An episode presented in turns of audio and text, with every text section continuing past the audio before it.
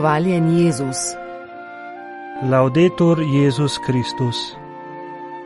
Poslušate slovensko oddajo Radia Vatikan. Zasedanje sveta kardinalov, prvi dan o vlogi žensk v cerkvi. Umrl je nekdani direktor Vatikanskih muzejev Antonijo Pavluči. Papež telefonira v redovnici, ki na Haitiju skrbi za otroke z ulice. V Italijo prispeli otroci iz Gaze. Presluhnili bomo življenje piso med pogrebno sveto Mašo za pokojno sestro, usmiljenko Terezijo Pavlič. Prisluhnili bomo odlomku odprtja razstave v Zavodu svetega Stanislava, akademika profesorja Andreja Jemca. O ponedeljek 5. februarja se je v Vatikanu začelo zasedanje sveta kardinalov. Poleg papeža Frančiška so bili navzoči vsi kardinali, člani in tajnik sveta. Dopoldne je bilo namenjeno poglobitvi tematike o vlogi žensk v cerkvi, o čemer so začeli razmišljati že na srečanju decembra lani. Svoje poglede na njo so predstavile sestra Linda Poker, salezijanka ter profesorica kristologije in mariologije, Joliva di Bernardino iz reda posvečenih devic, učiteljica in odgovorna za tečaje duhovnosti in duhovne vaje, ter Joe Bailey Wells, anglikanska škofinja. Srečanje sveta kardinalov se je nadaljevalo tudi v ponedeljek popovdan ter v torek, na dnevnem redu pa so različne teme. Umrl je nekdani direktor Vatikanskih muzejev Antonijo Pavluči. Papež Frančišek se ga spominja kot cenjenega poznavalca umetnosti, ki je velikodušno in kompetentno služil svetemu sedežu. Antonijo Pavluči je umrl v nedeljo 4. februarja v starosti 85 let v Firencah. Od leta 2007 do 2016 je bil direktor Vatikanskih muzejev, velja za enega najpomembnejših osebnosti italijanske kulturne politike. Sveti oče v sožalnem telegramu, ki ga je v njegovem imenu poslal kardinal Pietro Parolin, svojcem izraža svojo bližino ter se spominja velikodušnega in kompetentnega služenja svetemu sedežu, tako zelo cenjenega poznavalca umetnosti. Zagotavlja svojo molitev za njegovo dušo in vsem podeljuje svoj blagoslov. Antonijo Pavluči se je rodil 29. septembra leta 1939 v Riminiju.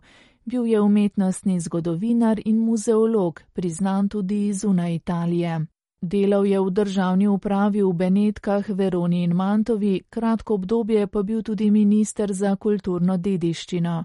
Novembra 2007 je na željo papeža Benedikta XVI. bil imenovan za direktorja Vatikanskih muzejev, kjer je ostal vse do julija 2016, ko ga je zamenjala Barbara Jata, do takrat podirektorica.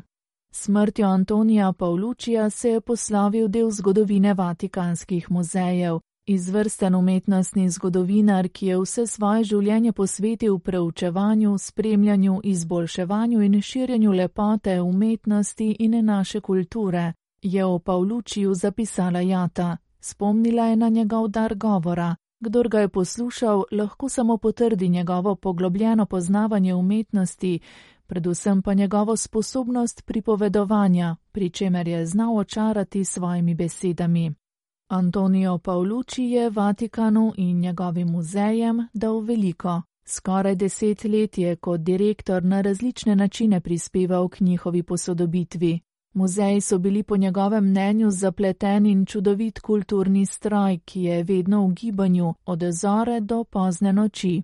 Ustanovil je urad za konzervatorska dela in razvil preventivno vzdrževanje, ki je zaradi njegove vizije postalo nepogrešljivo pri upravljanju naše kulturne dediščine, je izpostavila Barbara Jata. Sveti oče v soboto 3. februarja po telefonu poklical sestro Paezi, ki deluje na Haitiju in skrbi za 2500 otrok z ulice.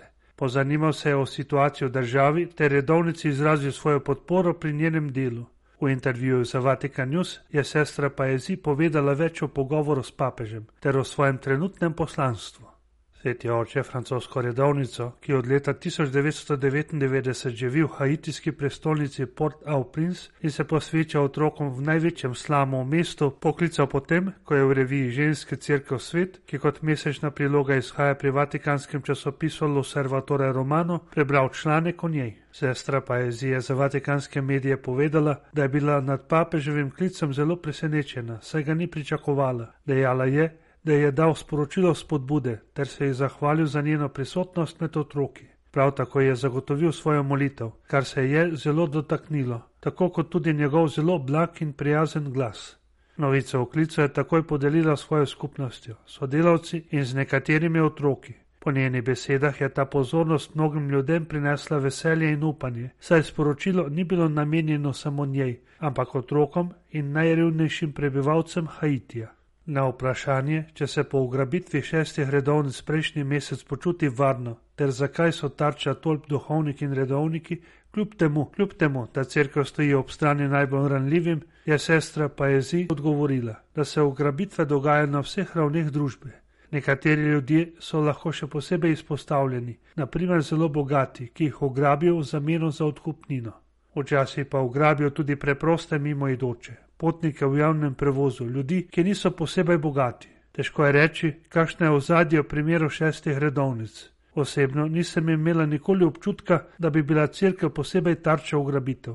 Upali so, da bodo dobili odkupnino. Včasih je lahko odvisno od načina življenja posvečenih oseb, tako duhovnikov kot sester. Morda jih nekateri ljudje povezuje s kategorijo bogatejših oseb, vendar pa ne moremo posploševati. Nekateri redovniki so zaradi svojega poslanstva zelo blizu revnim, drugi pa manj. Ob koncu pogovora pa je sestra Paezi odgovorila na vprašanje, kakšna bi bila prihodnost otrok z ulice, če za nje ne bi poskrbila crkva. Resnično bi bili prepuščeni samim sebi in revščini. Samo Gospod ve, kaj bi bilo z njimi. Nedavno tega mi je nekaj mamic reklo: Sestra, če te ne bi bilo tukaj, bi bili mi vsi mrtvi. Mislim, da so malo pretiravali vendar pa tako mislijo in to izrazijo. Včasih se sprašujem, kako lahko ljudje več dni preživijo brez hrane in nimajo čisto ničesar. Gospod je prisoten, mislim, da je to odgovor. On je tam za nje, lahko je prisoten prek mene ali na kakšen drugačen način, to da svojih otrok nikoli ne zapusti. Ob italijanskem obmorskem mestu Specija je v ponedeljek pristala vojaška bolnišnična ladja z nekaj ranjenimi in bolnimi otroki iz Gaze, ki se bodo zdravili v italijanskih pediatričnih bolnišnicah. Nekatere v težkem stanju so takoj prepeljali v Firence in Genovo. Ladja Vulkano je prejšnji petek odplula iz egiptovskega mesta Al-Hariš, kamor so bili otroci odpeljani po prečkanju menega prehoda Rafa.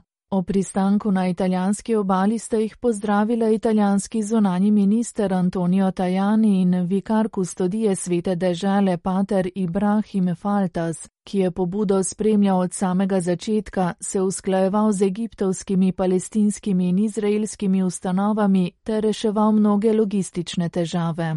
To je dan velikega veselja zaradi uspeha te operacije, hkrati pa tudi globoke žalosti o pogledu na slabo stanje, v katerem so prispeli ti otroci in mladi, je dejal pater Faltas in dodal, da so nekateri v zelo težkem stanju, zato so jih reševalna vozila takoj prepeljala v najbližji bolnišnici v Firence in Genovo. Italija je ponovno pokazala svoj najboljši obraz in svojo poklicanost k humanitarni pomoči, je dejal. Število otrok, ki jih je treba nujno premestiti iz Gaze, je zelo veliko. Mnoge italijanske bolnišnice so že izrazile pripravljenost, da jih sprejmejo, a zaradi nadaljnega bombardiranja na jugo Gaze in možnosti, da bi se to lahko razširilo tudi na Rafo, je premestitev otrok vse težja. Pater Faltas je povedal, da je najmlajši malček bil star le štiri mesece. Med otroki je tudi 18-mesečni malček, ki je prišel sam, saj je izgubil vso družino. Mnoge so potegnili iz ruševin njihovih domov. To operacijo je zatrdil Pater Faltas, moramo nujno nadaljevati, saj je v Gazi še vedno toliko trpljenja, ki se ga ne sliši. Prva skupina otrok iz Gaze je v Italijo prišla z letalom 29. januarja. Otroci so bili prepeljani v različne pediatrične bolnišnice v državi, med drugim tudi v Vatikansko Bambino Gesù. Gibanje Laudato si je objavilo sporočilo za javnost, v katerem je predstavljeno geslo in nekateri dogodki v okviru letošnje pobude Čas stvarstva, ki poteka od 1. septembra, ko obhajamo dan varovanja stvarstva, do praznika svetega Frančiška Asiškega 4. oktobra. Začel se bo z ekumenskim srečanjem. Med pobudami, ki bodo potekale v mesec, pa bo tudi ozaveščanje o odpravi fosilnih goriv. Čas stvarstva 2024 bo potekal pod geslom Upati in delovati s stvarstvom. Tudi tokrat se bodo krščanske skupnosti povezale v molitvi, da bi odgovorile na krik planeta. Simbol, ki bo vodil letošnjo pobudo, bodo prvine upanja, za kar so organizatorji dobili navdih v pismu Rimljanom. O sporočilo za javnost prav tako beremo, da časi, v katerih živimo, kažejo, da zemljo ne ravnamo kot z darom našega stvarnika, ampak kot z virom, ki ga je potrebno izkoriščati. Stvarstvo zdihuje zaradi naše sebičnosti in netrajnostnih dejanj, ki mu škodujejo, vendar nas oči, da je upanje navzoče v pričakovanju, v pričakovanju boljše prihodnosti. V svetopisemskem kontekstu upati ne pomeni stati pri miru in molčati, ampak zdihovati, upiti in se dejavno boriti za novo življenje sredi težav. Stvarstvo in vsi ljudje so poklicani, da častijo stvarnika in delajo za dinamično prihodnost, iz katere lahko vzniknejo prvine upanja. Meseca februarja se pričenja obdobje priprav, ko se bodo srečali ekumenski voditelji in svoje skupnosti povabili, da bi skupaj prisluhnili kriko stvarstva in nanj odgovorili. Junija bo potekal webinar, na katerem bodo predstavili vodnik za obhajanje časa stvarstva. 1. septembra bo na vrsti molitveno srečanje ob začetku časa stvarstva, ki se ga bodo udeležili svetovni verski voditelji. 21. juni bo namenjen podpori pogodbi o neširjenju fosilnih goriv. Ob tej priložnosti bo organiziran spletni seminar z razlago in razmisleki o tem, kako jih odpraviti. Sklepna slovesnost bo potekala 4. oktobra, na njej pa bodo sodelovali mladi glasovi z vsega sveta. Ob slovenskem kulturnem prazniku in slikarjevem osebnem jubileju je v Kregarjevem in Meršolovem atriju v Zavodu svetega Stanislava v Šentvidu v Ljubljani na ogled razstava akademika profesorja Andreja Jemca, slike in grafike. Razstavo je odprl ljubljanski pomožni škof dr. Anton Jamnik v ponedeljek 5. februarja v Kregarjevem atriju. Strokovno razlago jo je pospremila umetnostna zgodovinarka profesorica Bernarda Stenovec, ki je odgovorna tudi za besedilo razstavne zgibanke. Številne zbrane je nagovoril tudi akademik slikar Jemec. Glasbeni program ob podprtju so oblikovali učenci solo petja glasbene šole Matije Tomca iz razredov profesorice Marte Močnik Pirc in profesorice Barbare Tišler-Mana. Mana Križnar, Neža Močnik, Adriana Slemc, Žan Penič in Filip Suhadolc, ki so predstavili izbor slovenskih samospevov, na klavirju pa jih je spremljal profesor Primož Bratina. V četrtek 8. februarja pa bo odprtje razstave in pogovor z akademikom profesorjem Andrejem Jemcem tudi v galeriji Gunclje. Razstava v Zavodu svetega Stanislava v Šentvidu je odprta do 20. marca v Gunclja do 31. marca. V veliko čast nam je, da v letošnjem jubilejnem letu, ko v zavodu praznujemo 30-letnico ponovnega delovanja Škofijske klasične gimnazije in Jegličevega dijaškega doma, torej ponovne ustanovitve Zavoda svetega Stanislava, lahko gostimo razstavo akademika profesorja Andreja Jemca. Razstavo pripravljamo v sodelovanju z galerijo Guncle in sicer smo ji dali naslov slike in grafike. V naših razstavnih atrijih je na ogled izbor uh, slik, v galeriji Guncle pa je na ogled uh, večji izbor uh, grafik. Pravzaprav to jubilejno leto, letos ob 30-letnici res praznujemo na predvečer ponovne ustanovitve ne samo zavoda, ampak tudi galerije Staneta Kregarja. Namreč ravno jutri, pred 30 leti, je takratni uh, Načkov Alojzi Šuštar odprl novo galerijo Staneta Kregarja, ki gostuje tukaj v teh prostorih v pritličju te velike zavodske stavbe. Takratni slavnostni govornik, akademik Alojzi Rebula je dejal, da je res čudežno, da po teh obnovljenih prostorih, hodnikih spet odmeva Platonov in Vergilov jezik in da lahko prisluškujemo duhovom, ki se kot slapovi usipajo izpod Kapitola in Partenona. Potem pa je dodal, da je pa še toliko dragocenejša stvar, da se je temu pedagoškemu vzgojno-izobraževalnemu delu pa pridružila tudi galerija Staneta Kregarja, ki ga je označil kot tistega, ki je po eni strani bil zavezan na vdihu doma slovenske dežele, po drugi strani pa je v takrat še Vaško, v marsičem Vaško Slovenijo, prinesel duha Prage, Pariza in odprl pot moderne umetnosti. In pravzaprav v istih dneh pred 30 leti je nocojšnji slavljenec, akademik Andrej Jemec prejel najviše priznanje na področju kulture v Republiki Sloveniji, Preširnovo nagrado. In danes, po 30 letih, se torej tukaj ob prazniku kulture predstavlja z izborom del iz zadnjega obdobja. V cerkvi vseh svetih na Ljubljanskih žalah je v ponedeljek 5. februarja potekala pogrebna sveta Maša za pokojno sestro Terezijo Pavlič, dolgoletno misionarko na Madagaskarju iz družbe ščera kašljanske ljubezni, Usmiljenk, ki jo je gospodar življenja 29. januarja 2024 v 90. letu starosti in v 70. letu poklical Usmiljenke poklical k sebi. Pogrebno svetomašo je daroval misionar Tone Kerin, pridigal je misionar Janez Krnel, pokojno pa je na ljubljanskih žalah pokopal Pavle Novak. Presluhnemo spominom na sestro Terezijo Pavlič. Sestrski skupnosti pri Mariji Pomagaj se je tako še eno pripravnico usposabljala za vstop v družbo hčera krščanske ljubezni oziroma kosmiljenkam. V semenišče, novicijat, je 27. novembra 1956 vstopila s še tremi dekleti.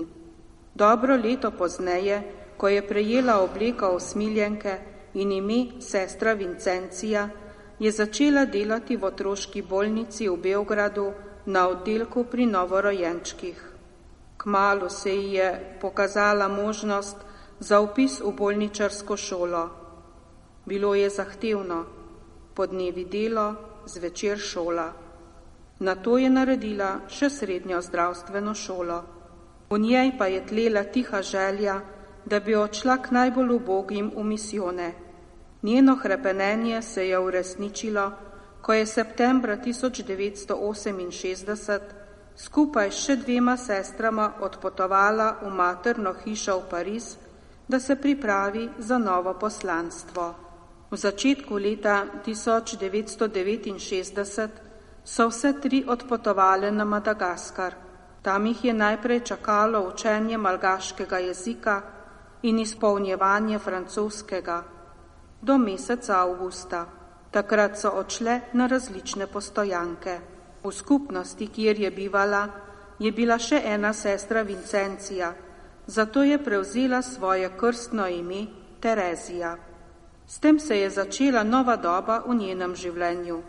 O tem je sama na kratko zapisala takole. Življenje v misijonih je nemogoče opisati, treba ga je živeti. Bistveno je, da postaneš eden od njih, da živiš, kot živijo oni, da pomagaš, kakor in kolikor moreš. Najvažnejše pa je, da jih imaš rad in da jim poveš, da jih ima tudi Bog rad. Delovala je na različnih postojankah, pri svojem delu pa se je srečala tudi z gobavci in tako je večino časa svojega delovanja na Madagaskarju s posebno ljubeznijo posvetila pravnim. Leta so hitro tekla, z leti pa se je začela oglašati tudi bolezen. Zato se je po 49 letih v začetku leta 2017 vrnila v domovino kjer je bila lepo sprejeta. Nastanjena je bila v provincialni hiši v Šentjakobu. Po svojih močeh je rada pomagala pri domačih delih. Vsemu svetu pa klicala Božji blagoslov z molitvijo in daritvijo. V tem duhu darovanja je 29. januarja v popovdanskih urah po težki bolezni mirno zaspala. Poslušali ste slovensko oddajo Radia Vatikan.